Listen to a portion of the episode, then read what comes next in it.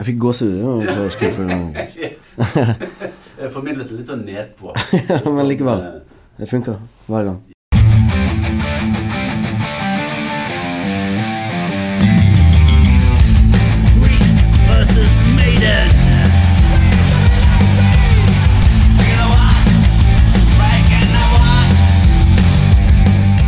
Trykker jeg på eh, knappen. Det hadde jeg faktisk allerede gjort. Nå har vi spilt inn. Jeg kan jo sjekke eh, hvordan eh, høres det ut der borte. Ja, her hos meg så høres det omtrent sånn ut. Hører du meg? Ja. Det Da jeg, hører du meg? Jeg hører deg eh, godt nok. Ja, flott. Men da tror jeg jeg sier eh, velkommen til eh, dagens episode. Priest versus Maiden. Priest versus Maiden. Judas Priest or Maiden. Hvem er best? Eller det, så er det de som sier Iron Maiden. Og så de er Iron Maiden. Ja, det er mange, mange måter å uttale det. Uansett. Mange mange navn. Ja. Og kjekt at uh, det er noen som hører på. Ja, det har Og vi det er det hvis noen hører oss. Uh, Det er det faktisk noen som hører på. Det syns vi er kjempestas. Ja. Så hjertelig velkommen til de. Og uh, går det bra med deg, Bård? Ja, det går kjempebra med meg. Det bra. Det går bra Jeg har fått meg en bamsemums. Du, du, er- du er aldri så god som når du har fått deg bamsemums. Nei, da blir jeg god, altså. Og du uh, Jeg, kjære deg? jeg er sånn passelig god, som jeg pleier å være. Ja. Ja. ja. Og ja. Så har vi en gjest her som vi må introdusere. Ja, eh, Bare len deg tilbake, Olav, for nå kommer det. ja, vi har den glede av å ha selveste Olav Iversen i studio. Og um, Olav han er vokalist i et band som heter Electric High. Som spilte forband til uh, Magic Touch, ditt band uh, i, i Ja, vi hadde æren av å ha en ja, tidenes, det var vel eh, faktisk support. Var ikke det debuten deres foran levende mennesker? Med publikum. så Med var- publikum, det var publikumsdebuten. Det var det. Så der er du eh, faktisk en av, eh, av to frontmenn i det bandet der. Og mm. det gjorde en eh, helt uh, glimrende prestasjon, begge to. Eh, du er frontfiguren i Sag. Det er òg et band som jeg har hatt masse glede av. Eh, jeg vet ikke om vi har lov å si at du spilte i Trucks. Det er ikke alltid du liker det. Det er ikke lov å si. Ok. Det, det er han spilte ikke i Trucks. Ikke så vidt jeg vet. Ikke så vidt jeg vet. Um, men meg og Olav har spilt i band sammen, og i ikke, et, ikke noe annet ringere enn et Arn Maiden coverband som heter Maidenheads. What? Og der uh, spilte jeg eh, Steve Harris sine linjer, og uh, Olav sang Bruce sine linjer. Så eh, vi koste oss. Wow. Uh, en god stund, helt, helt til jeg slutta, og så begynte det en annen bassist. Men vi, eh, Ja. vi spilte utenfor uh, bompoengringen og alt, så det var, Det det var stas. Du har jo gleda mange folk i, i hele verden med din, eh, eh, din eh, vokalkunnskaper, men ikke minst disse eh, evnen til å få med folk i salen. Der er du eh, På begge de to punktene er du veldig god.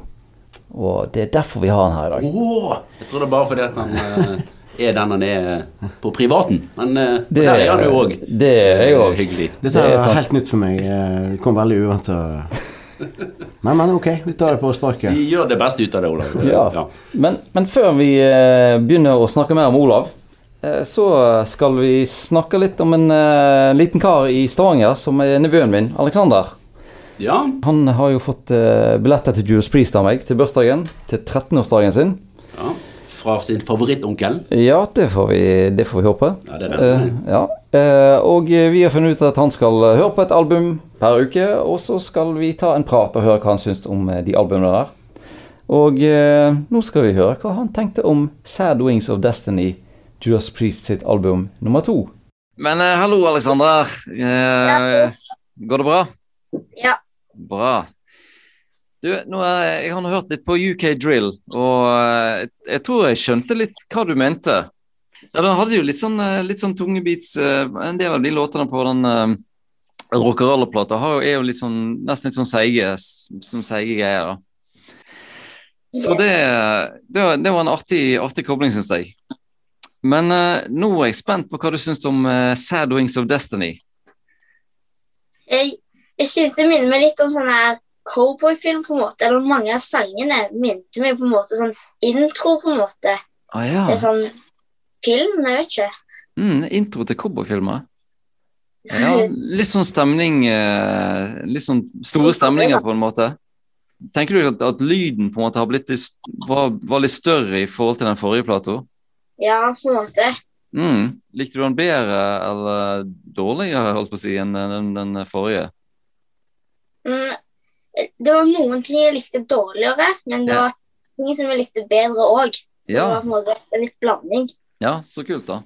Jeg syns det var litt kult når det var litt sånn Når du fikk litt følelse av at du eh, så på en film, på en måte. Eller sånn litt gamle, gammeldags sånn film, på en måte.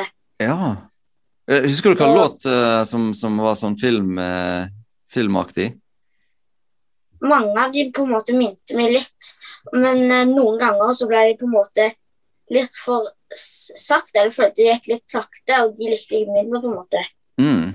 Så de, eh, tenker du på de, de sangene som er nesten sånn ballade, balladelåter og sånt? Det er jo en Ja. sånn der, eh, pianolåt der på, på, på nest siste låten på, på, på side to.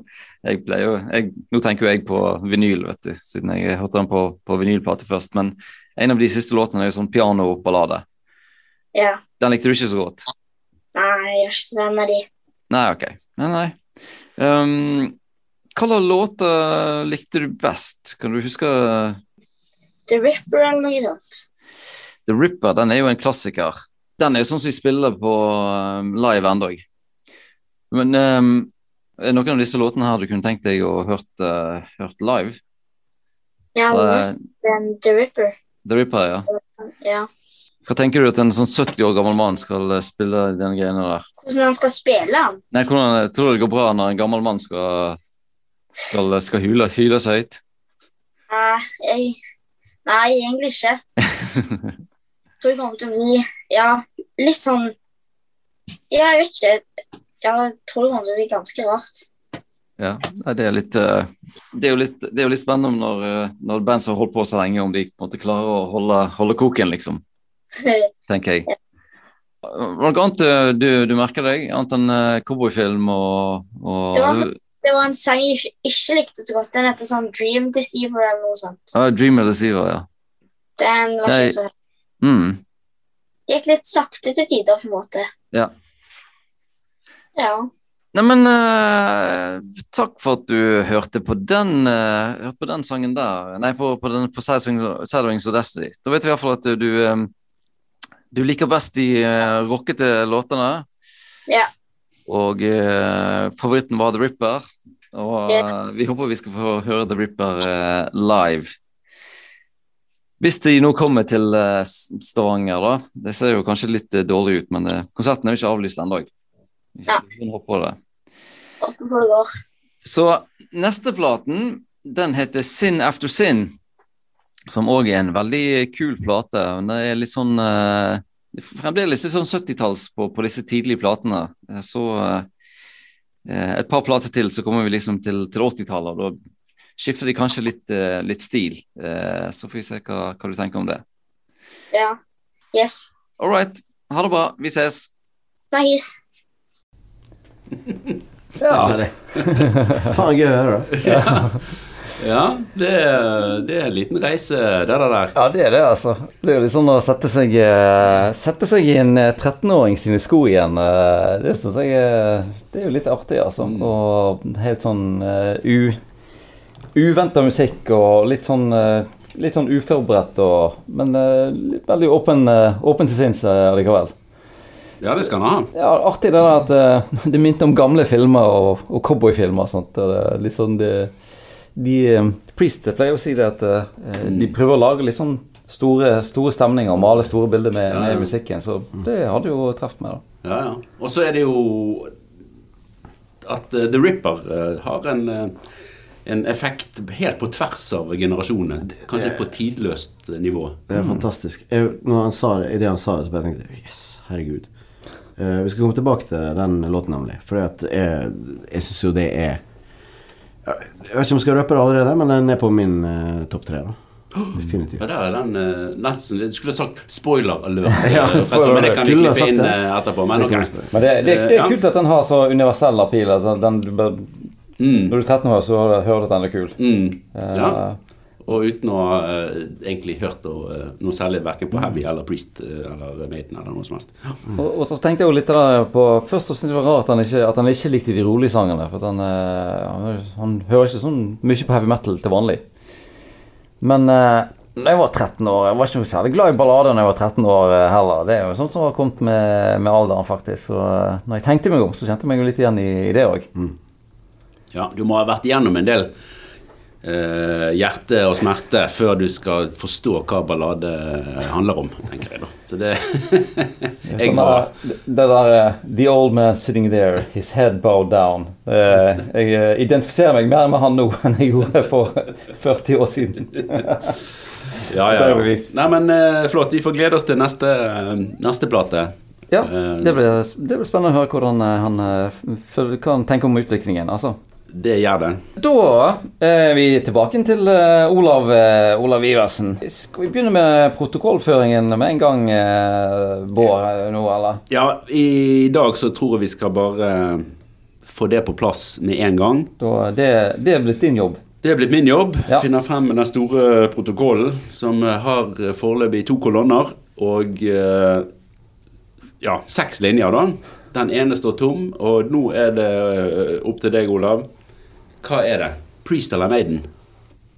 Eh, Ja, det, det store spørsmålet først. Ja. Uh, nei, altså for min del, da. Det her, vi, kan, vi skal sikkert komme nærmere inn på det, men det er Maiden. det, uh, Det ante meg. For det er nemlig ganske god plass på den Priest-siden, skjønner du, Ja, i men- protokollen. Men ok, da skal vi eh, invitere noen andre gjester med en gang. Ja, men det, Neida. Dere er jo uh, Priest-dudes begge to, så det veier jo litt opp, på en måte, ikke det? Jo. Altså, jeg kan jo føre den protokollen sånn som jeg vil. Men, ja, du kan det. Klart, og jeg kan viske ut og søle ting over det Mm. som allerede er notert. Og så er vi jo, eh, vi er jo åpen for eh, perspektivet. Ja. For, Ja, eh, vi det. Fra, fra, fra den andre siden, eh, må visste vi jo si. Det er vi. Eh, For min del så Altså, mye handler om Mye handler om hva du liksom hørte først, og når du var liten og alt det der. Og det er jo nettopp det som antageligvis er hovedgrunnen til at Til at Maiden eh, ligger hjertet nærmest den dag i dag. Da. Ja, ja. For det er jo um, et, Hadde jeg hørt Priest først, så kunne det fort ha vært annerledes. ja ok. Mm. Ja ja, men det, det er i hvert fall eh, eh, greit å høre at det er såpass lite som, eh, som skiller. Ja, det tok, tok noen år eh, Ja, nå husker jeg ikke det her, men sånn som, sånn som jeg kan eh, huske det, så tok det noen år ekstra før Priest kom inn i eh, bildet, da, for min del. Mm. Maiden tok for stor plass, kanskje, i Det tok ditt. eh. veldig stor plass. Det var ikke plass til flere en stund. Men skal vi rett og slett høre litt om hvordan du ble en heavyrocker, uh, Olav? Ja, det kan jeg fortelle om. Eh, og det begynte jo da med en mann som dere har hatt på besøk her eh, for ikke lenge siden. Eh, blant andre, da. Mm. Iver Sandøy. Han er jo da min, eh, mitt søskenbarn. Å, Ja. det visste jeg ikke. Nei, vi er jo da fra samme lille Holme oppe på Romsdalskysten. Eh, og da eh, er det jo sånn at uh, musikk og den slags som man begynner å uh, lefle med i ungdommen det, det er jo kort vei, da, Ja, ja. mellom Ja. eh, på en måte inspirasjonskildene der. Så Iver husker jeg hadde Han og broren hans hadde, de hadde Killers på kassett, husker jeg. Og så fikk de Live After Death på kassett. Mm. ja. Og ja. Den husker jeg hørte med Iver uh, Når jeg var Ja, det var jo det året han kom ut, i 85. ja. Så da var jeg en eh, ung, ung eh, liten gutt. ja. Ja. Og det var jo eh, det, Så det var én av inngangene, men jeg hadde en inngang til. Jeg har nemlig et søskenbarn til som heter Yngve Breivik, og han var kanskje før der igjen at han uh, spilte Killers uh, på meg, uh, for meg Mm. på kassett. Mm. og be, Så begge de tinga, begge de søskenbarna, da, Mm. hadde en veldig viktig eh, innflytelse på meg, eh, på meg den, eh, Ja. i begynnelsen. Og Så vi hørte jo i hel Killers, og så husker jeg en gang bror min, som også var viktig for meg i forhold til å begynne å høre på heavy og sånn, som mange har jo en eldre bror som er Mm. Bjarte han hadde en gjeng med kompiser på besøk hjemme hos eh, i kjellerstua vår. da. Og de hadde fått tak i Live After Death på, på VHS. Oi. på video. Så de Ja. satt og benket seg ned og skulle se den. da Ja. Og da var jeg og han Yngve, han andre søskenbarnet mitt, som er vi, vi fikk ikke lov, da. Vi fikk ikke lov å være med og se. Nei, det var litt for små. Vi var for små.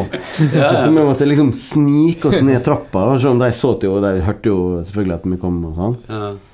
Så vi sneik oss ned trappa liksom, og lot som at de ikke så, uh, hørte oss og så oss.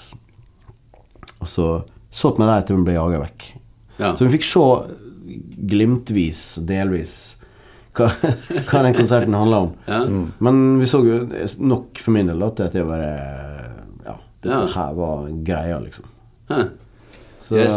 Ja. Morsom, eh, morsom inngang, da. Men tenk hvis de hadde hatt den der eh, videoen med Priest fra Dallas i 82 istedenfor, og så var det det du ikke fikk lov å se på. Kanskje da det hadde vært eh, mer Da hadde det vært eh, sånn spenning å knytte seg til, eh, til det. ja, som sagt, jeg utelukker ikke at det kunne gjort en stor forskjell. Men, men altså, hva var det da som, eh, som du tror var, var grunnen til at Maiden var så, så kult? Nei, altså, det er jo eh, Hva skal man si? Det er jo bare Altså, når, man, når jeg hører på Killers og Live After Death i dag, så, så skjønner jeg veldig godt hvorfor det gjorde inntrykk, da. Altså, det er jo Den dag i dag syns jeg at Live After Death er Det er jo en av de mest klassiske live-albumene ever, liksom. I, Jeg er enig. ja, sant? Jeg er enig med deg. Uansett sjanger. Den, den, er, den er fin. Og når det er sagt, eh, så må jeg bare si om Killers da at eh, Nå skal vi snakke litt om frontmenn og vokalister, og på Killers så er det jo Paul Diano som, eh, som er frontmann i, i Maiden. Og det han gjør på den plata her, er faen meg world class, altså. Jeg, jeg syns vokalprestasjonene på den plata er helt enorme, rett og slett. Mm. Ja, det er litt kult å høre, da. Ja. For det, at vi har, det har ikke vi fått egentlig vært så mye innom eh, altså Diano-perioden til, til Maiden. Den blir, har blitt litt sånn forbigått. Eh, Ja. Altså, nå skal det jo sies at uh, Iver eh, her var jo veldig tydelig på at Killers var hans uh, favorittplate og hans inngang til det hele. Og Det- alt det, da. det er Men, sant. eh, men vi fikk jo ikke snakket så mye om Paul Diano nødvendigvis uh, Nei. der, da. Nei. Og, og, men det kan jo vi kanskje komme inn på også forskjell eh, Ja. i, i frontmann-rollen, da. Sant? Diano mot, eh, mot han godeste Bruce. Diano mot Bruce, ja. Det er ganske eh, distinkt forskjell der. Er ulike typer, både vokalmessig og måten de uh, framtrer på, på scenen. Og, Mm. så det er mye å ta tak i der. Da, eh, før vi kommer inn på eh, den eh, faglige diskusjonen her, eh, Olav, skal vi eh, få høre dine topp tre Judas Priest og topp tre Arm Maiden-låter? Og gjerne favorittalbum. Ja, det får vi prøve på. Det, det var jo ikke enkelt, det her. Nei, det, det er ingen som har sagt. Nei, det er ingen som har sagt det, det er vanskelig, altså. Så um, jeg har brukt litt tid på, på, på det her, faktisk. Bra. Eh, for, det, altså, for min del så er det, det handler om ære, det her, altså. Det, Ja, ja. Jeg tar ikke lett på en sånn uh, oppgave. Nei? Her må man uh, legge litt jobb i uh, det, betyr, det betyr masse, det her. Mm. Bra. Viktig greier. Så ok, vi skal begynne med Priest, da. Ja, det kan du. Um, jeg har hørt masse på Priest de siste dagene. Flott. Og, uh, Bra. så de har fått seg noen, uh, noen plays av meg på. Men, uh, og det var en fornøyelse, altså. Det er jo fantastisk mye, mye, mye bra musikk, rett og slett. Og um, altså, For å begynne på tredjeplassen, da. Det er veldig vanskelig, her, som sagt. Og mange kandidater og alt det her. Og det er en låt som jeg husker at dere nevnte, har nevnt sikkert flere ganger tidligere. Altså 'Victim of Changes', som er Ja. Som som, eh, som eh, lett kunne vært på min topp tre, Mm. men som jeg har valgt å ikke ta inn her. Altså, Ja, ja. jeg, har- jeg har valgt eh, litt sånn I og med at jeg er her for å snakke om frontmenn og vokalister, da, så jeg har tatt, hatt litt fokus på det når jeg har valgt eh, topp tre. Bare for å ja. sette en liten ramme for meg sjøl. Det bra. kriterier for valg. Ja, ja. Det, det er jo som sagt eh, vanskelig. Eh, så nummer tre for meg, det er Sentinel. Åh, den er tøff, altså.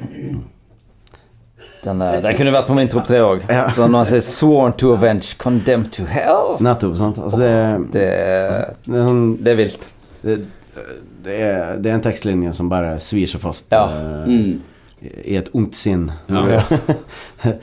og eh, ja, så, så Og igjen, sant. Vokalprestasjonmessig og det, det er så mye Det er mye å si om uh, Halford der, altså. Men, Mm. men det er jo en av de låtene som jeg syns uh, utmerker seg der. Mm. Og på nummer to uh, så, Altså Electric Eye, Mm. med helst da med introen og alt det der. Ja. Mm. Det er Det har mest å gjøre med at eh, det er på en måte den ultimate åpningslåten Ja. eh, på et livesett med Priest. da. Det, det er helt sant. Så derfor ble det den. Og igjen så synger jo eh, Halford fantastisk og alt det der. Mm. Hva, hva er det mulig å spekulere i om det også har vært uh, med å eh, inspirere til uh, bandnavnet Electric High? Det fiffig spørsmål. At du, kanskje sånn i det ubevisste? altså underbevisst. ja. Kanskje ja. Altså, uh, når, du, når du spør om det, så Det er nesten umulig å tenke seg at det ikke har. Jeg syns det var en brikke som falt litt. Tydelig på plass der. Jeg, Jeg. jeg, jeg, må- si òg med Electric Eye sånn Når Rob Halford bare dukker opp på scenen, og så ser han Up here in space, I'm looking down on you. Og du er sånn her Ja, Rob Halford, du er der oppe. Og du ser ned på meg, men jeg ser opp på deg og til deg. Det er liksom han, altså, det skjedd på noen konserter. Han har stått litt sånn oppe ja, han, han, i han, sånn her han dukker liksom eh, opp i uh, litt sånn høyere enn de andre. Ja, ja. Altså. Det, Oppi kulissene. Opp kulissene ja, det, Ja. Mm. ja, det er, ja, det er bra. Nydelig. Så beveger han seg sakte, men sikkert ned mot eh, Mm. front. Ja. Eh, nydelig. Ja, ja. Og så har vi nummer én, da. Og det er jo nettopp The Ripper, som Ja. vår gode Ah. venn Alexander ja. nevnte. Mhm. også. Og da når han sa det, så tenkte jeg yes, det er håp for eh, for eh, unge ungdommen i dag òg, som Ja, hører ja. Priest for første gang. For den låten er for meg helt sånn spesiell. Både Altså, låten er jo fantastisk bra, det er jo én ting, men vokalprestasjonen til Halford på den låten her Altså både Nå skal vi snakke mer om, om Rob versus Bruce etter hvert, og, men begge to er jo litt sånn her dramatisk og teatralsk på sin måte, sant. Eh, og det Halford gjør på den låten der vokalmessig, er jo et, eh, en klasse for seg sjøl. Altså, han spiller jo ut de her rollene i denne låten der på en helt ja, ja. Ja. Uh, altså, Nesten som en skuespiller. Altså. Ja, det er det. Uh, En vanvittig vokalprestasjon. Når han da sier ehm, Except for the Ripper, or if you like, Jack the Knife. ja, ja. Så er det jo et sånn det- det- vanvittig eh, vibber som eh, foregår der. ja, ja. Eh, Fantastisk kult. Og når det riffet kommer eh, der, altså. Det, er- det er magisk. Og så er han så slentrende sånn der In the back alley street Ja. is where we'll probably meet. Det er akkurat som han eh, Det er som han bare sånn der Slenter og så smyger seg langt veggen der, og litt sånn innbydende, og så eh, Og så er det wow! Så tar han deg liksom eh, Han er, han er virkelig den kyniske morderen, altså. Ja. Eller tech. ja. Ja da. Uh, han er godt inne i teaterverden uh, på sett og vis. Det er et godt poeng. Ja. Hey, dette, dette var god valg, Olaf. ja. Tusen takk for det. Har du, en, uh, har du et favoritt-Priest-album òg? Ja, Det var jo minst like vanskelig, da. Eh, men det sto egentlig mellom to uh, plater for meg, og jeg måtte bare Altså, jeg valgte Sad Wings of Destiny fordi at eh, Både pga. The Ripper og pga. Uh, Victim of Changes, som også var høyt oppe på låtlista mi. Og, Mm. og det er mange låter. Genocide, og, Mm. som jeg liker veldig godt. Eh, Men det er et tidlig album, da, i, i, Ja. i karrieren. Ja. ja. Det er det, og det er litt sånn Det var jo ikke blant de platene som jeg hørte først. Det var jo Nei. gjerne de her 80 80-tallsplatene. Og Painkiller var vel kanskje den jeg hørte aller først. da. Eh, så det er liksom noe som har eh, vokst på meg eh, i litt senere tid. Ja, ja, ja. Det er naturlig. Det er jo sånn Jeg òg begynte jo med painkiller, og mm. jobbet meg da Eller eh, ikke jobbet, eller reiste videre tilbake i tid eh, sammen med Ja. eh, Rob Halford i spissen der. Ja, det er sant det. Og Epitef Epitaph har jo vært inne på, inne på før i episoden allerede, så det er jo en eh, Den, eh, den syns jeg er spesielt flott. Og, og Rob Halford sin stemme i den pianosettingen, det, Ja. Det jeg tenkte på et sånn ja, ja, Et sånt pianoalbum med, med Rob Halford, og det, det hadde ikke vært vondt, altså. Nei, sant. Nei, altså, og, og uh, uh, Vi har jo vært inne på Dreamer Deceiver er jo også en sånn rolig Men den syns jeg er vanvittig flott. Igjen og sånn her øh, Der skiller Vokal. du og 13-åringen Ja, eh, litt der, lag. nettopp. Sant? Det er litt interessant der. Ja. Vi er jo veldig enige om, øh, om The Ripper, mens Drew and Deceiver der er vi litt mer uenige. Men Mm. jeg syns at det Halford gjør der, er jo utrolig Altså, det er så mye følelse i den ja. vokalprestasjonen der, da, som Mm. er helt ja, Mm. nydelig. Flott. Eh, God, en god gjennomgang. Men da må vi over på, på Maiden. eh, og det er vel ikke nødvendigvis noe lettere å velge låter der, kanskje? Nei, dette her blir jo bare verre og verre. Fordi at på, på Maiden-lista mi, da, så jeg lagde jo liste, sant. Jeg må jo ta dette på alvor. det er sånn vi gjør det i vår alder. Så det var vel nærmere 25 låter på den uh, topp tre-listen en stund. så det var jo det var jo grusomt. Men uh, man må jo bare velge, og igjen da så, så valgte jeg å liksom tenke på ok, vokalprestasjoner. Hva, Hvilke låter er det som av de f- 25 Ja. som, som utmerker seg mest der, da. Og um, altså det var jo én låt som var ja, Den skal jeg ta til slutt, forresten. Men uh, um, uh, Ok um, uh, Jeg må si at Jeg vet jo det, Bård, at du nevnte jo Revelations som en av dine topp tre. Mm. Den kunne veldig lett vært på mine topp tre òg. For det som Bruce gjør på, på versene der, Mm. Det er jo noe av det vakreste både han og Steve Harris har eh, skapt. Ja, noen det er jeg enig i. Det er rett og slett så fint, Mm. det som foregår der. Der har de funnet en eller annen eh, litt sånn mellomting mellom eh, Ja, der, Ja. det blir ofte Ja, hvis det er lov å si, da, litt mye av det gode innimellom. Mens her uh, syns jeg at de balanserer det utrolig bra. Altså. Ja. Passelig, passelig av det gode. Ja. Ja, og så Det. Mm. Liksom overgangen til refrengen og alt det er bare helt nydelig. Det er kjempeflott. Men ok, Mm. Ja. den har jeg da valgt vekk. Bare så, Den, den tok jeg først. Den tok du, så da tok jeg en annen. Jeg har uh, på tredjeplass har jeg 'Children of the Damned'.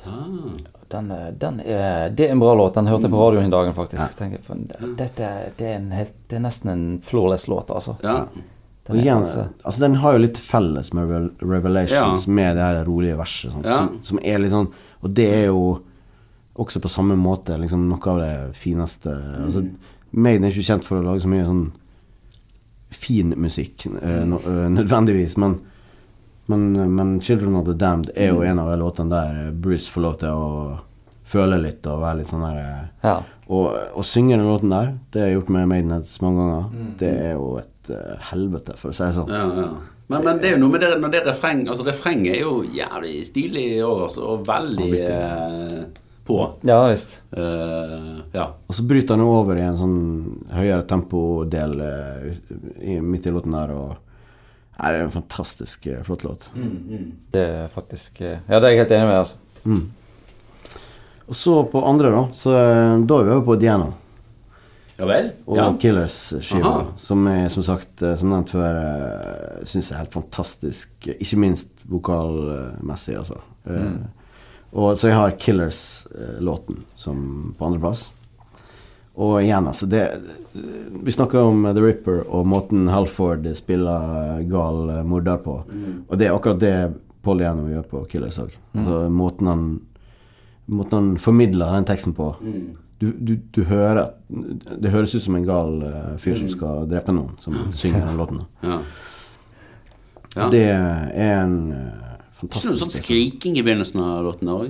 Jo, det er noen sånn high pitch eh, Ja. skriking der. Altså, men han begynner på verset der og Altså alle versene har sine Sine eh, variasjoner da i måten å Og han greier liksom å, å eh, På en måte gjøre det på en litt forskjellig for hvert, Ja, ja. for hvert vers, da. Og vi bruker ordet dramaturgi her. Ja, Er det det vi gjør? Ja. Hvis det skal bli sånn jålete og sånn, så kan vi godt snakke om det. Nei, men altså, eh, igjen, altså, fantastisk eh, Altså, Paul er Det er veldig få som snakker om han som en stor vokalist, og eh, han er litt i skyggen av Bruce Dickinson, og det er jo Mm. det Det er jo ikke rart, det, på en måte, men, men det han gjorde på begge de første platene, syns jeg, men kanskje spesielt på Killers, da, er jo enormt, altså. Og så på første, da. Den, den, var- det var faktisk den enkleste for meg. Eh, Ja. Det var den første jeg liksom kom på. Det er 'Hallowed Be Thy Name' Ja. fra Number of the Beast. Akkurat. Og den, ja. det er jo alltid vært en av mine favoritt-Maiden-låter. Det er liksom bare Ja. up there. Og igjen, da, vokalmessig helt åndssvak låt å synge. Ja. Eh, på versene her så går det jo jævlig unna, sant. Og så skal du liksom Heldigvis da så er det et sånt langt uh, solo-instrumentalparti, så du kan deg ta igjen litt til hektene, og så kommer den finalen der du bare må virkelig hente fram eh, det siste. Da. Ja, det er ganske Ja, det der er litt av eh, Litt av eh, et opplegg eh, som de legger opp til der, altså. Mm. Jeg skjønner egentlig ikke hvordan det er Litt av et løp. Ja, Ja, det er ja hvordan sånn- er det mulig? Det, det Ja, får du svare på, Olav. Ja, hvordan er det mulig? Altså, det er litt sånn at når du synger den låten live, så er det litt sånn at ok, nå, nå kommer den der avslutning, det avslutningspartiet. Vi, vi får bare gjøre Altså, nå må vi bare fokusere her og, og prøve å få det her til. Og når det går, da, så føles det så jævlig som en seier. For det, det, det, det føles nesten sånn umulig når du setter i gang. sant? Og så bare Så, så når det går, så, så er jo det en eh, sånn mestringsfølelse av en annen verden. Ja, egentlig. Det tar av fra eh, Holmenkollen, på en måte. Ja, det gjør det. Klarer å lande. Du er med ja. ned, Telemark-nedslag. Ja, ja, ja. Nei, så det, det er magisk eh, Mm. øyeblikk. Og den låten hørte jeg vel først um, live, på Live to Death, Ja. egentlig. Og der går den jo veldig fort og sånn. Ja. ja, det er sånn for meg. Jeg hørte den første gang. Så når jeg da kjøpte Number of the Beast, så var den første Maiden-skiva jeg kjøpte sjøl, på Mm. kassett. Den ble jo hørt i hel. Og da reagerte jeg jo veldig på hvor treigt Ja. Hallowed Be Name går. Eh, Ja. Men når den begynner med de her bjelleslagene og sånn på begynnelsen, så er jo det en vanvittig stemning, altså. Eh, Ja, det er jo, det er jo en del eh, dramatikk i den låten òg, for Ja. å si det sånn. Sant? Den er begynner der i denne her kalde, ja. kalde skal jo, eh, Ja. Eller sel, er det det? Jeg, ligger her med min kalde sel. ja, kanskje det er det. Jeg har aldri lest den teksten her skikkelig. Nei, altså, han skal jo eh, til pers, han eh, karen, Ja, sånn, er eh, i den historien der. Så eh, Nei, det er dramatisk, men det er veldig fint fortalt uh, tekstmessig òg, syns jeg. ja. Eh, altså, det er jo eh, Den lander på nummer én for meg, altså. ja. Albummessig, da. Ja, eh, jeg har jo nevnt Number of the Beast, og det er den som, som vinner for meg, altså. Ja. Ja. Og det igjen så Det er sikkert mange grunner til det, men det var den jeg kjøpte for egne penger først, og hørte mest på sånn, i begynnelsen, eh, når jeg hørte mest på Maiden. eh, Mm. Og ble kjent med bandet og alt det der. Ja. Så det har nok eh, definitivt hatt sin, eh, sine grunner. Men når du ser på låtene som er på den skiva, altså, det, altså Du har som så, 'Hello Be A Name', 'Children of the Damned', 'The, Number of the Beast', uh, 22 Acacia Avenue, 'The Mm. Prisoner'. Alle de låtene er jo veldig høyt på, Ja, ja, ja. på min liste. Det er sant. Du, du har jo en, en sånn tilbakevendende Drøm. Nei, ikke drøm. Hva det heter da? Altså, I hvert fall et tilbakevendende spørsmål som er Hva om låten 'The Number of the Beast' hadde vært nummer én på side én? Mm. Ja, for det er jo veldig rart, for den begynner jo med en låt som man nesten skulle tenke eh, Skulle den her Ja, gå kanskje, kanskje, kanskje det der. ja, kanskje det. Invaders, som, som eh, er en veldig sånn Jeg skjønner jo at ja, det er en opptempo-låt alt det, men det er jo definitivt ikke den beste låten på plata, da. Nei, det, vil, det, det kan vi være enige om. Jeg hørte noen som sa det en gang, og så har jeg tenkt mye på det etterpå. at Hva hvis du kom hjem igjen, eh, Olav, med den her Number of the Beast-kassetten, og så satte du den i, Mm. og det første du hørte før musikk, det var bare Wow to you, og Earth and Sea. Og tenkte Denne her. Altså, da hadde du iallfall- syntes at det var den, den beste platen i, i verden. Altså, du, du, du, hadde, du, hadde, du hadde bestemt deg før, du, før musikken hadde begynt. Ja, det er jo Når Ja. du ser det på den måten, så er det jo Burde jo vært det åpenbare valget, på en måte, Ja. å ha som åpning på den plata. For det Istedenfor nummer eh, to på side to. altså, Ja, det er veldig Det er litt rart. Det da må vi prøve å finne ut av hvorfor, ja. Jeg vet ikke hvem vi skal ringe, jeg. Men, Men eh, eh, det, det er et par ting jeg kom på her nå, eh, Olav. Um, og det ene er at når jeg, når jeg spilte i Maidenhead, så eh, overtok jo jeg den eh, bassistjobben fra en annen, eh, en, en annen kar som vi, som vi kjenner. Mm. Um, og så skulle vi Vi snakket om å spille Infinite Dreams, husker jeg. Og så eh, hørte jeg da på en sånn der Ja, skulle vi høre på han, da? Og så eh, var det en sånn liveversjon. Og så tenkte jeg sånn «Ah, Dette var et veldig skranglete Maiden, syns jeg. Mm. Men jeg var ikke i tvil om at det var Maiden, og spesielt når vokalen kom inn. Så ja, dette er jo eh, Nei, men eh, jeg fikk ikke helt til å stemme at Maiden var så skranglete, men det måtte jo være Maiden. Jeg kunne ikke tro noe annet. Men da viste jeg at det var faktisk et opptak som de hadde gjort i øvingslokalet eller på en eller annen gig som de hadde hatt tidligere. Og, og da sang du så jævlig bra på, på denne Infinite Dreams at det var, det var liksom det som gjorde at Jo, ok, de var skranglete. Kanskje de hadde en dårlig dag. Der lurte du meg, eh, Olav. Altså. Ja, det er jo Og, og du har jo Bruce Dickinson-greiene inne, det er jo ingen tvil om. Men du har sikkert sunget både Priest-låter og eh, Maiden-låter i din tid. mm. Så eh, hvordan er eh, Jeg har jo sunget Priest-låter, merkelig nok, uten at jeg har så veldig stemmeprakt til Mm. det. Hvordan er forskjellen på å synge Priest og Maiden-låter som lokalmessig for som, som vokalist, liksom? Nei, godt spørsmål. Jeg har sunget mye mer Maiden enn Priest, da. Mm. Eh, Men eh, eh, Nei, altså, det er jo et eller annet med klangen til, til Halford som, som kanskje ikke faller meg like naturlig. Men det har jo med fysikk og Mm. Eh, arv og miljø, ikke det? mm, ja, ja. da. Men, men, eh, men når det er sagt, så, så er jo det minst like utfordrende å synge, synge Halford som eh, Dickinson, altså. Det, altså Halford har jo en Altså, i, i, i forhold til Dickinson så har jo om mulig Halford en, et enda større spekter å spille på i, i uttrykk, da. Ja. Dickinson har jo sine begrensninger her. Han har jo full pupp, sant. Eh, men så er han også flink til å føle litt, som vi snakka om, sant? på de her eh, litt roligere låtene. Og... Mens Halford har jo veldig mange andre ting i tillegg. Han kan være, han kan være Jack the Ripper, han kan være det ene med det andre. Han kan være Litt sånn uh, sassy og sexy. Uh. og så har han jo en range som er helt out of this world, sant. Ja. Uh, han kan synge Han synger jo vanvittig høyt oppe i pitch, men han synger også fantastisk nede i, nede i dybden eh, av registeret, liksom. Ja. Det er jo enormt utfordrende. Eh, Så jeg vil jo si at å synge Halford er jo minst like utfordrende som Dickinson. Mm. Men vi snakker om to av de Altså, vi er på øver, aller øverste hylle her, altså. ja, det Vi er på den hylla der ingen tørker støv, liksom, for det er ingen har rop. Ja, Så det er liksom Det er jo eh, to av de aller, aller beste Ja. her, da.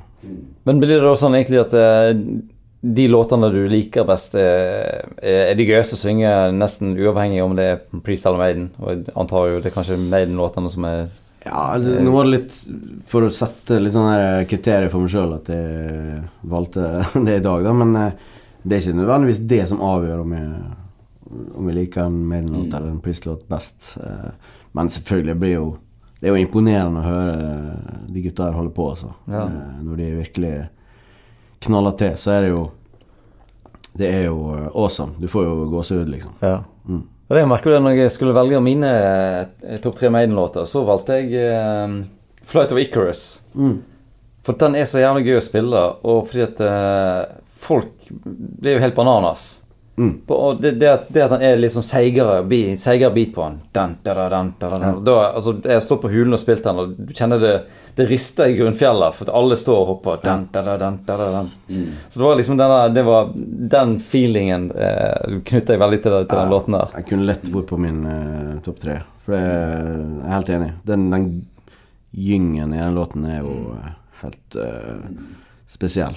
Og fantastisk refreng, og igjen Ja. ganske heavy Altså vokalprestasjonsmessig så er det jo oppe der, altså. Ja, det er det. Mm.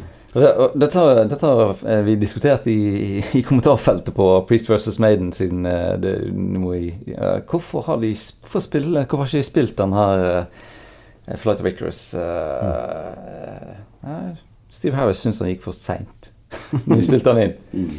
Jo da, men de Altså, har jo spilt den i, litt nyere kom igjen i, dag, sant? kom, men han var jo vekke fra settlisten fra mellom 86 Ja. til 2019. Ja, ja. Så er det mm. først på Legacy of the Beast. Den var tilbake omtrent. Ja. ja. det var litt Det var det, var, det er jo en eh, Det er jo en knallåt.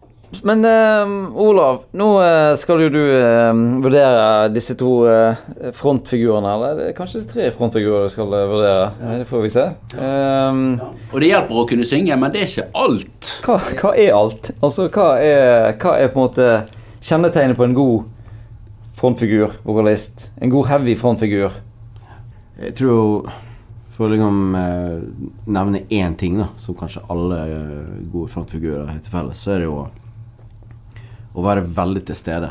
Og liksom eh, Å ha den derre eh, kontakten med, med publikum, der publikum bare står og føler at de eh, på en måte blir sugd inn i, i energifeltet, da. Ja. Eh, og det er veldig mange måter å gjøre det på.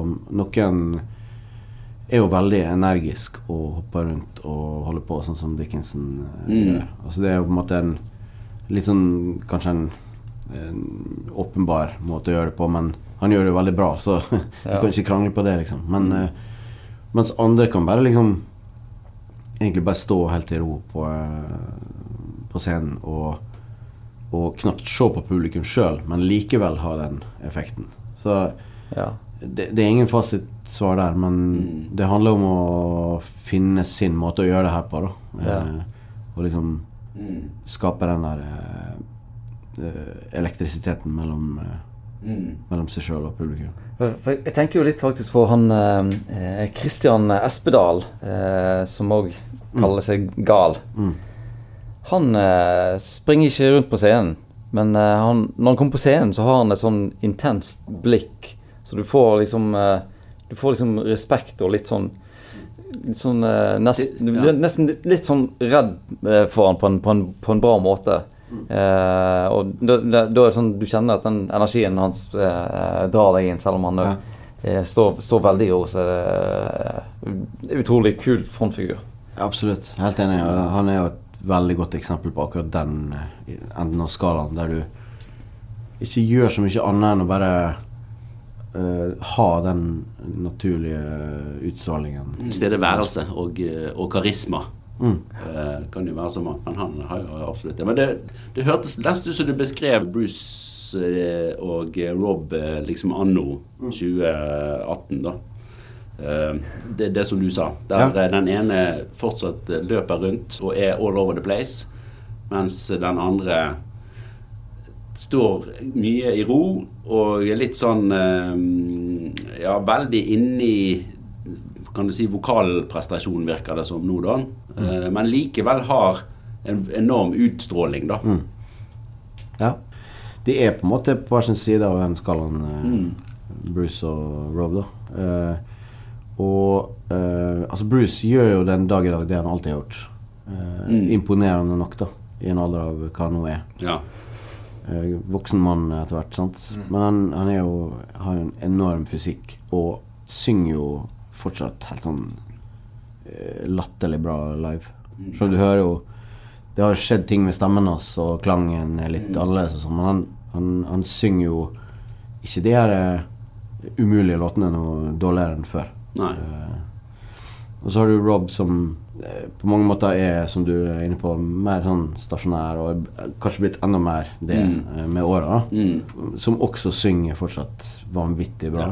Ehm, men akkurat den derre Han har jo tatt den rollen med å bare stå på scenen og levere uten å på en måte gjøre så veldig mye ut av seg eh, eh, for å eh, catche publikum, annet enn å ha nettopp den der karismaen og tilstedeværelsen. Den der intense energien, da. Han har jo aldri drevet og løpt rundt. Han har jo alltid veldig sånn her eh, litt sånn nonchalant og, Ja, slentrende og slentrende. Ja. Litt sånn sassy, som jeg sa i stad, Ja, ja, rett og slett. Ja. Men alltid det der Han har alltid hatt et eller annet um, blikk som jeg syns har vært så utrolig uh, fengsle. da. Han kan sende deg noen sånne blikk. uh, og et slikt sånn skeivt smil som bare Du skjønner at han har kontroll på alle som står og, og ser på. Ja. Altså, det er jo en, en ting med han at det, du, du, er aldri, altså, du har aldri sett Rob Halford liksom tvile eller uh, vike med blikket eller Nei. Nei, nei. Det er liksom alltid Han er alltid på plass da, Ja, og til stede. Og, ja da. Han, han, han vet, det er ikke sant han på et eller annet tidspunkt ikke vet helt hvor han skal gjøre av seg. Det sånn. Litt til felles med Freddie Mercury, egentlig, med den sånn der eh, Det er så selvsagt at her står jeg, og, og dette gjør jeg, og, og det er det skal, det skal du være glad for, du som ser på. Altså. ja. Annet og jeg nevnte jo tidligere den der eh, videoen som spilte inn på Scream for Vengeance-turneen fra eh, Live i Dallas i, i 82. Og det er liksom Det er et eller annet med de, med de der blikkene han sender deg, og det er sånn der eh, Men det er òg litt sånn uh, flørtete og sånn gutteaktig òg, samtidig som det er Mm. eh, autoritært. Ja, ja. Sånn liksom ja. Går liksom ifra å være sånn veldig autoritær, og så er han litt sånn gutteaktig, og så er han litt sånn løse skuldre innimellom der, og det utrolig sånn fascinerende eh, greie. Og av og til så er han litt sånn Klorer seg litt eh, liksom i fjeset på og, eh, Ja, ganske sammensatt uh, Ja, litt sånn det greier. og jeg husker, og, og det der eh, jeg, jeg har sagt før at akkurat den eh, eh, det er det tøffeste som er festa på film i verdenshistorien, syns jeg. Eh, jeg har sett den der eh, så mange ganger, og alle, alle faktene som han har. Sånn, det, det, det er fascinerende, altså. Hva tenker du om det, Olav, når du har da eh, veldig mye bevegelse? Altså hvordan Må ikke det nødvendigvis ha en slags innvirkning på vokalprestasjonen? Altså Du må jo ha pust for å synge. Jo, altså med mindre du er i jævlig god form, selvfølgelig. Altså, eh, jeg har vært borti det mange ganger sjøl. At eh, man Mm. kanskje uh, At man kjenner at nå har man kanskje gått litt over evne når det gjelder showmanship. Ja. sånn. ja. Og så skal man i gang med et eller annet heseblesende opplegg Ja. vokalmessig. da Og så kjenner man at her må man hente fram det siste for å komme i mål. Ja. Ja, altså det, det Mm. går jo hånd i hånd, og det handler jo om eh, trening. Sant? At du Ja. må å disponere krefter, rett og slett. Mm, Ja, mm. må, og når man er på en turné eller gjør mange konserter eh, på rad, så, så lærer man jo Mm. hvordan man skal disponere de kreftene. Da. Nei, for jeg har jo ikke fått inntrykk av at det i nevneverdig grad går utover eh, Dickinson sin eh, vokalprestasjon når han eh, gjennomfører en konsert. Nei, det er jo et godt poeng. For jeg, nei, jeg er helt enig med deg. Jeg har aldri, aldri eh, tenkt at han Oi, nå, nå var han sliten, eller nå var han Ja. andpusten, eller Det har jo aldri slått meg i det hele tatt. Samme faen hvor mye han driver og hopper og spretter og springer rundt. Så eh, imponerende fysikk eh, Ja. Og vokalteknikk, da, for Ja. å kunne få det til å funke, liksom. Nå har jo jeg Nå har vi eh, Nå har jeg akkurat ferdig å lese Bruce Dickinson-boken som ligger på, på bordet her.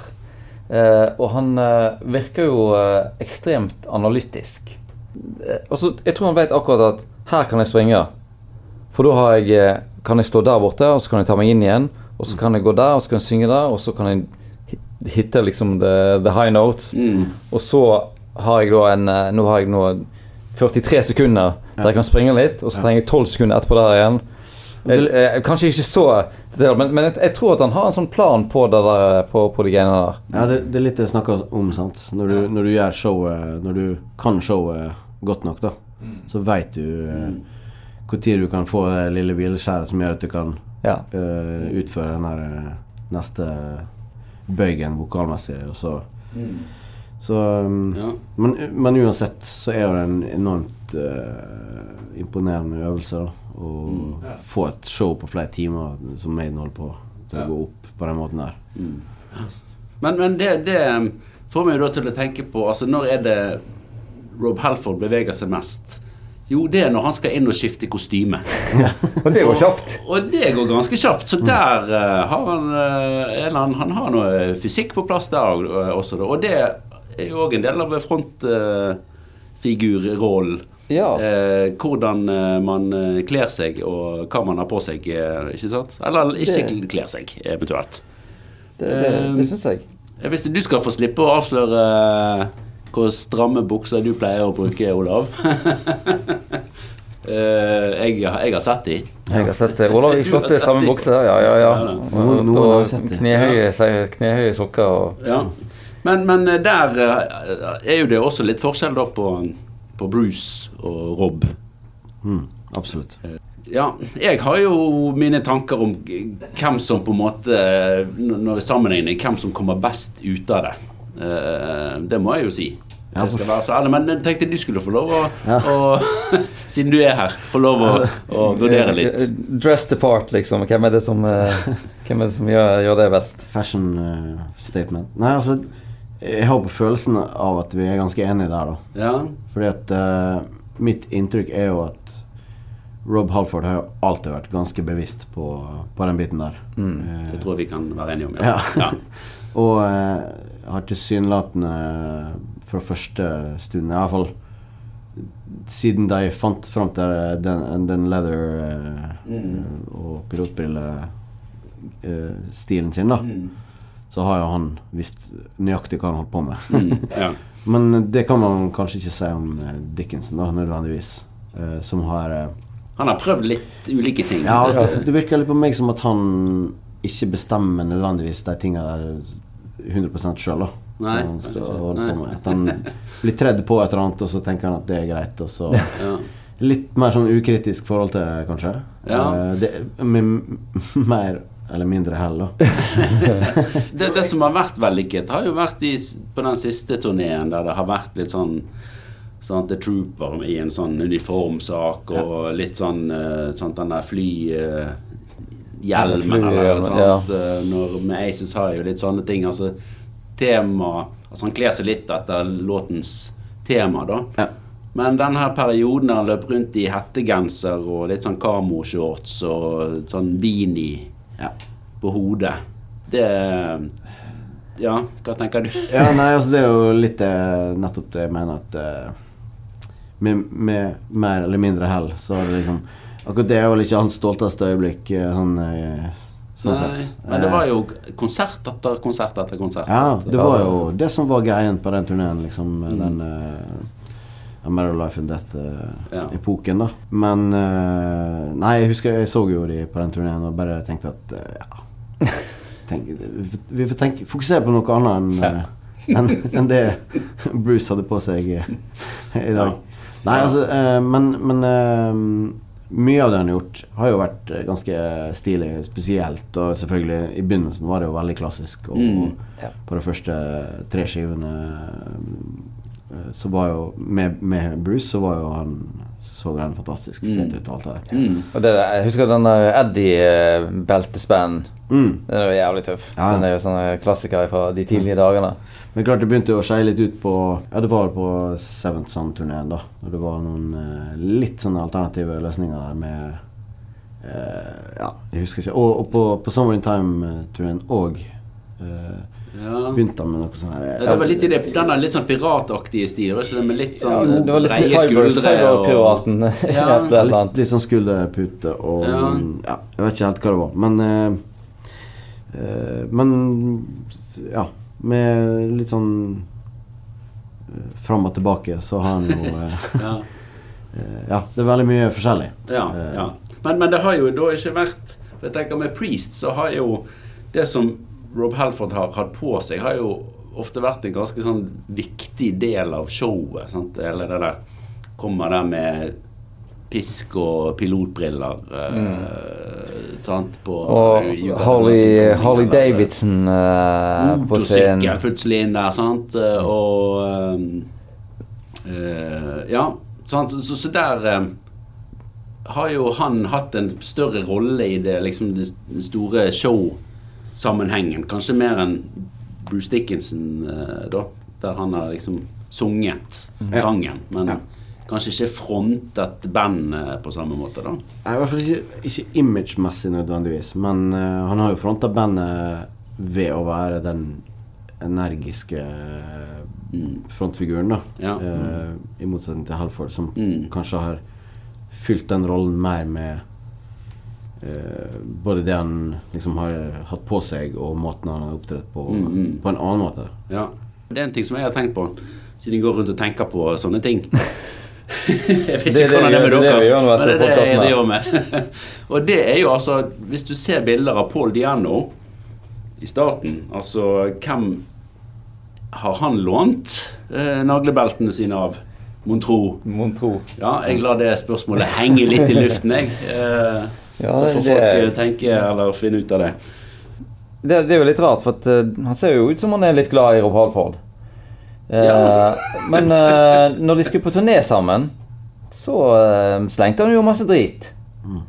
Og uh, Rob Halford kvitterte jo med nesten å lure han til sengs. Ja. Så det var, det var jo der, kunne det skjedd skjedd mye rart. Ja. Men, men de snakket om motorsykler og Gjorde vi ikke? det var bare jeg som tenkte det. Jo, vi snakket om motorsykler, sånne props på scenen. Ja, props, sant? Og, og, og der òg har jo de hatt litt sånn ulike ting, Bruce og, og, og Rob. Hvem er det som kommer best ut av det, da? Ja. Jeg syns det der med motorsykkel er jo Det er det jo ingen andre som driver med.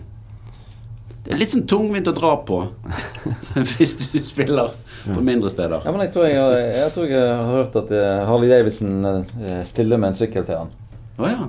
Eh, Han spons, sponsoravtale med ja. Altså, det er ikke det- Helford som kjører den mellom alle konsertene, sånn som jeg alltid har hatt. Jeg har på en måte litt lyst til å, å tenke det, da. Men eh, for jeg husker når jeg, et år de spilte på Sweden Rock, så sto jo den der uh, Harleyen der. Ja, ja. Med, som var signert Stemmer av eh, og alt mulig. Jeg, jeg sto uh, sånn ja, nei, nei, Du får ikke sitte på den. Jeg kan ta litt på den. Nei, det var Ingen skulle kødde med den. Men det var, det var litt stort, eh, stort kjente jeg, altså. Vet, men eh, hvis vi ser på Bruce sin props Denne eh, masken eh, på Den Powerslave-masken, Mm. den er jo ganske kul. Ja. Og så har du, du har flagget på The Trooper. ja. Hadde han noe sverd og noe greier òg på et tidspunkt? ja, du nevner Altså, det jeg har sett et eller annet sånt, ja. Jeg er litt Ja. usikker på hvilken turné Han hadde i hvert fall en enorm sånn beltespenne også. Eh, ja. Det var ikke med Eddie på som vi snakket om i stad. Nei, altså han hadde jo det på, på uh, World Slavery Ja, sant? Ja, ja, ja. ja da. Uh, nei, ellers sånn, så, så når de hadde de her um, turneene der de drev og spilte uh, Altså når de var i Bergen, blant annet. Sant? Ja. Og spilte Rime of the Ancient Mariner for første gang på 100 år og alt det der. Mm. Det var jo magisk. Men da hadde de jo veldig sånn tydelige tema for hver låt. Eh, Jeg hadde jo den ære å varme opp for uh, Ja. Ja, det det, stemmer. det har vi glemt å si. Det har vi glemt å si, men, Ærlighet. Det var derfor- jo verdens mest naturlige introduksjon. Ja, det var det. Uh, og det vet jeg at vi har snakket om, at det Ja. måtte vi uh, ha med i manuset, men det har vi ikke. Men det jeg ville si om det, var jo at vi gikk jo Vi spilte på den scenen og fikk jo da muligheten til å se på sceneriggen og hvordan det her Og der sto jo Eddie bak et forheng der og bare what, liksom. Og, eh, og da hadde de jo Det de hadde på den turneen, det var ikke noe uh, videografikk der. De hadde fysiske backdrops. Da. Ja. Og det hang sikkert 20 sånne Gardiner som vi Gardiner, Gardiner på fra rad. Så de drev jo Jeg vet ikke om du husker det, men de, de skifta omtrent for hver eneste låt. Jo da. Det, det, Så, og med tilhørende props og Mm. kostyme på Dickens spesielt. Da. Ja, ja. ja. Så det var jo en uh, egen øvelse i, i den biten der. Ja. Å bygge opp showet låt for låt. Ja da. Men, men eh, der igjen eh, er det jo litt sånn at Eddie som overtar frontfigurrollen innimellom, mens uh, i Priest så er jo det fortsatt Helford som må på en måte både uh, Ja, han må holde den rollen uh, gjennom hele showet, da, mens mens Eddie tar litt over for, eh, for Bruce eh, i løpet av et Maiden-show, da. Ja, det er jo ganske spesielt for Maiden akkurat der å ha en Altså Det er jo flere band som har en sånn type maskot, uh, Motorhead eksempel, og sånn, men, men kanskje ikke så sterk grad likevel som, som Eddie har vært en, eh, en slags levende figur, da, som har eh, delt den rollen kanskje med Bruce, da. Og- Ja, og tatt så stor del av eh, Eller vært så med i liveshowet som han er, og nå bare mer og mer, siden det er en ny Eddie for hver låt, omtrent. Ja, det er jo ganske unikt for Maiden akkurat det der. Å ha en sånn eh, fiktiv eh, fantasifigur som er Som er mer eller mindre, mindre frontfigur i bandet. Men vi har aldri hørt han synge. Han Eddie. Jeg tror det er like greit. Ja, det er kanskje ikke spesielt fint. Vi skal gå litt videre på akkurat dette med synging, da. Eh, tekstene, hvordan spiller de inn i frontfigurrollen, egentlig? Jeg vet at Noen mener at det, det, tekstene er jo ikke ordentlige før de blir levert av han eller hun som har skrevet de. Og Rob Halford skriver jo sine tekster som han formidler. Men, men mye av Bruce Dickinson er jo ikke han som skriver. Går det an å merke forskjell på de låtene han har sjøl skrevet tekst på, og de formidler han bedre sine egne tekster enn Steve Harris sine tekster? Og sånt, er det Det er jo sånn at eh, Steve Harris har jo skrevet det meste av tekstene som eh, Maiden og Dickinson har uh, videreformidla. mm. Og jeg har jo hørt diskusjoner og lest ting om at Dickinson ikke alltid At det, har vært en del diskusjoner om eh, hvordan eh, Altså, ofte så skriver Steve Harris tekster som, som ikke nødvendigvis går opp Ja. med, med antall stavelser i, i, i vokallinjen. Altså rytmisk og sånn. Ja. Og det, har vi, det hører vi på eh, en del låter på, på plate til og med. At det, her har Det er helt på grensen Ja, ja. Her, her, her har Steve Harris bare krangla gjennom. Nei, sånn skal det være. Hold kjeft og lever, liksom. Ja. Eh, så- ikke hold kjeft, syng og ja, lever. syng og lever. Sånn, beklager. så, så det har tydeligvis vært eh, diskusjoner om det der, men jeg, jeg har inntrykk av at Steve Harris som oftest kanskje har fått viljen sin, da. Mm. Eh, og så er det jo på de tekstene du hører at eh, Eller på de låtene iallfall, du ser at Dickinson er kreditert, da. Mm. Så ser du eh, hører du ofte at da har han kanskje hatt litt mer ord med i laget når det gjelder de tinga der. ja. Så, og ehm, Jeg må jo si at når du hører på Halford sine beste øyeblikk, da, så, så tenker du faktisk på det at her eh, Altså, måten han leverer de eh, tekstene på, er på en måte Det er så ekte og troverdig at Ja, det kunne sant, på en måte ikke vært gjort eh, Eller skrevet av noen andre enn han sjøl, Ja. Eh, Mm. Ja, det, det, vi trenger bare å referere til uh, den, den gripende gjennomgangen som uh, Kim Holm hadde av andre siden på Sin Sin. Mm. Og uh, Raw Deal og Here Comes the Tears for, å bli minnet på det, altså. Mm, mm. Så det Ja, nei, men jeg òg tenker òg av og til at, at uh, Steve Harris skriver tekster uten å helt tenke på at disse skal også synges uh, i en låt, i en melodi, Ja. som skal få plass innenfor uh, x antall takter. Og det tenker jeg jo aldri med Priest. Nei. Det er så, så jeg vet ikke om, om det av og til er noe Noe der med at uh, Ja, Men- kanskje Rob Halford har eh, enda mer eh, hands on i låtskrivingen der, sånn at det er Ja. på en måte litt mer De, etablerte vel uh, dette uh, Tipton, Downing, Halford uh, låtskriverteamet rundt omkring ja, Jeg vet ikke om det var rundt omkring Killing Machine eller noe annet. At, de på en måte settla det, at det, var, det var de som lagde låtene, altså. Um, men eh, nå eh, Bård, må vi passe oss litt. For litt, eh, hvis eh, Bruce Dixon klarer å levere selv disse vanskelige tekstene til Steve Harris, så kan du jo gi han liksom en, eh, et, eh, en, en fordel foran Rob Halford. Det der skulle vi, vi skal aldri snakke sagt det. Da trekker jeg tilbake det siste segmentet der. Det stryker vi. Vi, ja, du redigerer det bare ut. Ja, ja, ja.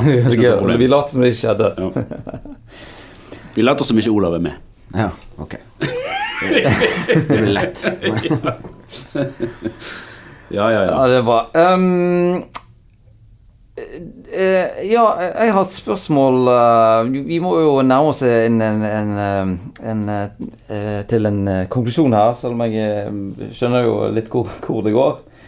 Ehm, dette med eh, Jeg tenker litt av det å, å, å planlegge for lenger fram i, i karrieren. Og dette vi snak, Før vi begynte å ta opp, så snakket vi om Jolly Turner som hadde så flott hår. Og da fant jeg ut han, han, Dette tenkte han på tidlig i karrieren og begynte å bruke parykk tidlig. tidlig. Det er jo et av de viktigste sånn- Ja, no, men Ja, og, og kanskje Rob Halford òg Han tenkte- tok jo av håret ganske tidlig. Egentlig ganske tidlig. Ja, det var jo godt tenkt. Men Men, jeg tenkte, jeg, nå tenkte jeg egentlig på vokalmessig. Sånn, hvis vi tenker på Bon Jovi og, og, og Vince Neil og sånn, så og vi er jo ofte på Swinrock, eh, meg og Bård iallfall. Og der har vi jo til og med sett Sag og Olav på scenen, som var en stor ja, leder. Ja, Og der ser vi jo òg eh, eh, bevis på det der andre. Mm. At eh, det er folk som ikke på langt nær når opp til, til, til storhetstiden sin eh, vokalmessig.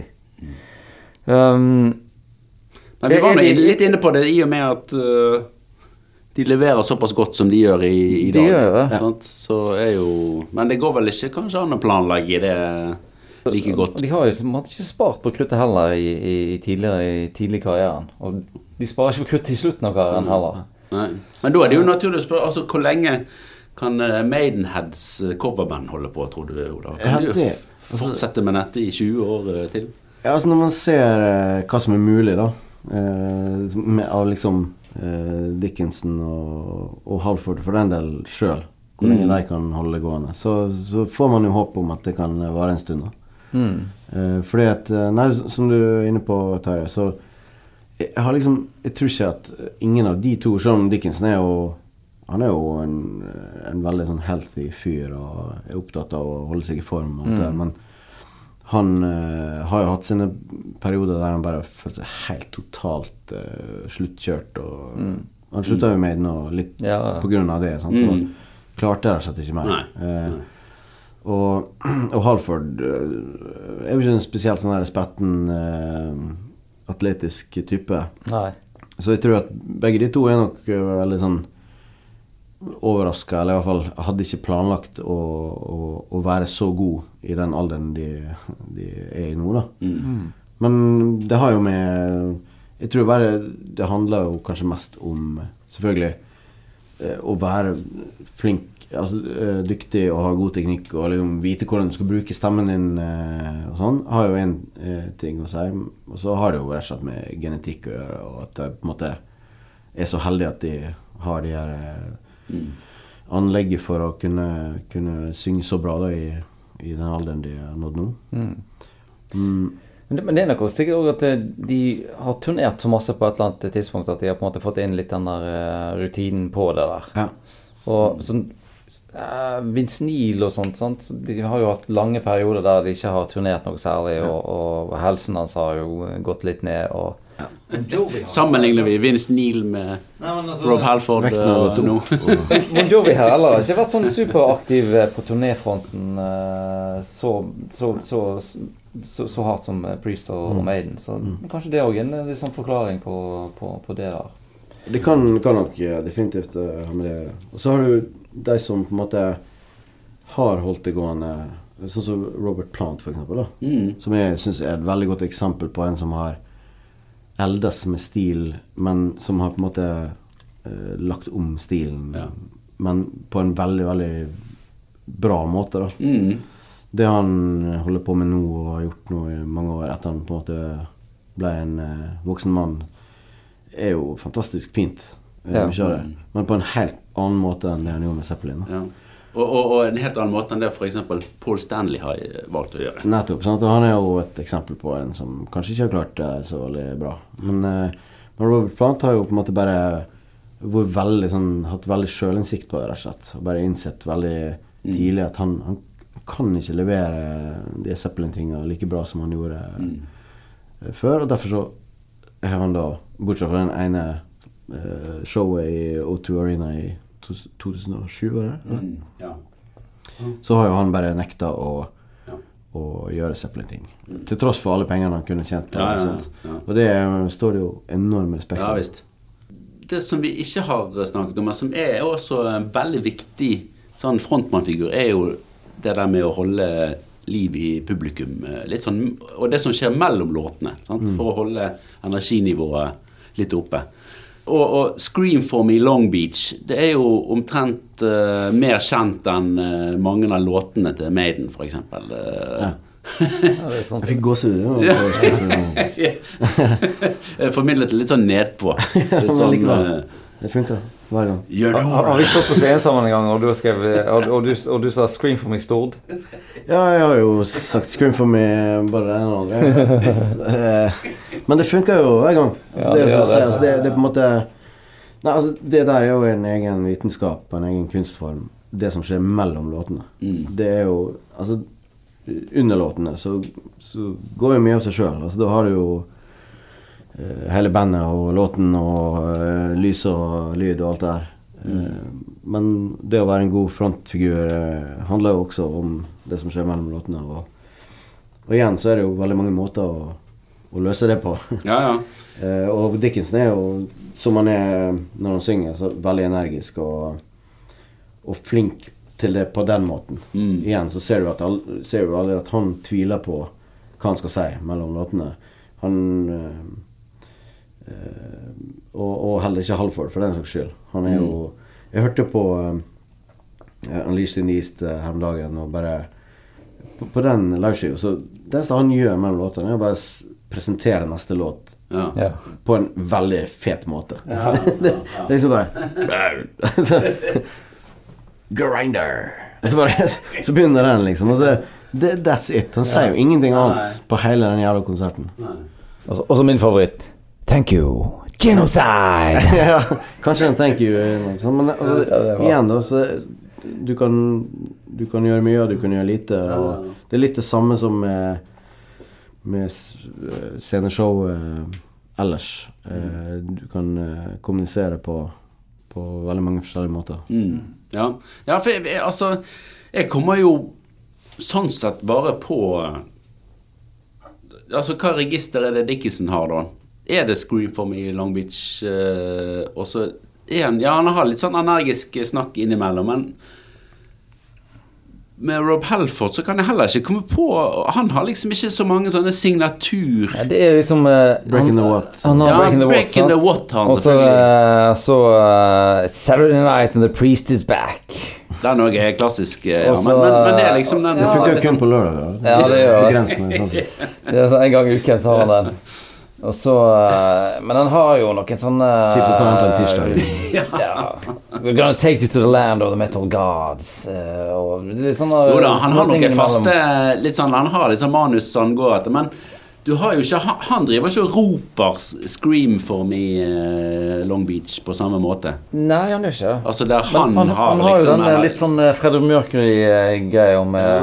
wow, wow, wow, yeah. Ja, han har litt Ja. sånt, ja. Wow, wow. Ja, det har han, ja.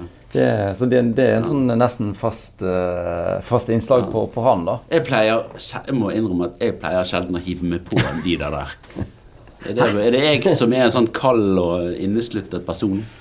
Du er en av jeg som, som står med Ja, med armen i Armen i kors baki der. Jeg skal, jeg, jeg, skal innrømme at eh, hvis, hvis Halford ber meg om å synge oh, oh, oh, yeah, så det er min, det er det minste jeg kan gjøre på, på Halford. Det må jeg Ja, si. det kan Det du må jeg si. Ja. Ja, ja. Men eh, nei, der eh, jeg, eh, Det er nok jeg som er den der iskalde Ja. kynikeren som står, står der. Uansett hvilke band jeg ser. Nå, Olav, nå har vi kommet så langt til at uh, du som uh, ekspertgjesten vår skal få uh, dele ut ditt poeng. Hvem er det som har den beste frontmannen? Priest eller Maiden?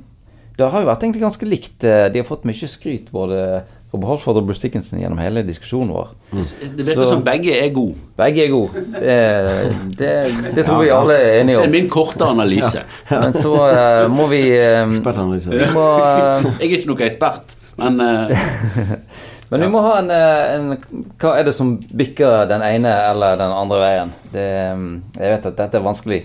Vi har gjort, vi livet vanskelig for deg, Olav. Både med velge ut det er vanskelig å komme hit, altså. Og prestere på Priest versus Maiden. Nei, altså igjen, da, som du sier Hvor skal man eh, legge vekten her, altså? For det er jo, som jeg har sagt før, to av uh, musikkhistoriens aller beste vi snakker om her. Mm. Sånn at eh, det å velge er på en måte egentlig umulig. Så man må liksom bare resonnere seg fram til et eller annet eh, som kan høres fornuftig ut. da Nei, altså Jeg har jo sagt at uh, sant? Dere spurte jo Priest eller Maiden i begynnelsen av, uh, av programmet, og da er det jo for meg Maiden. Men det er jo mange grunner til det.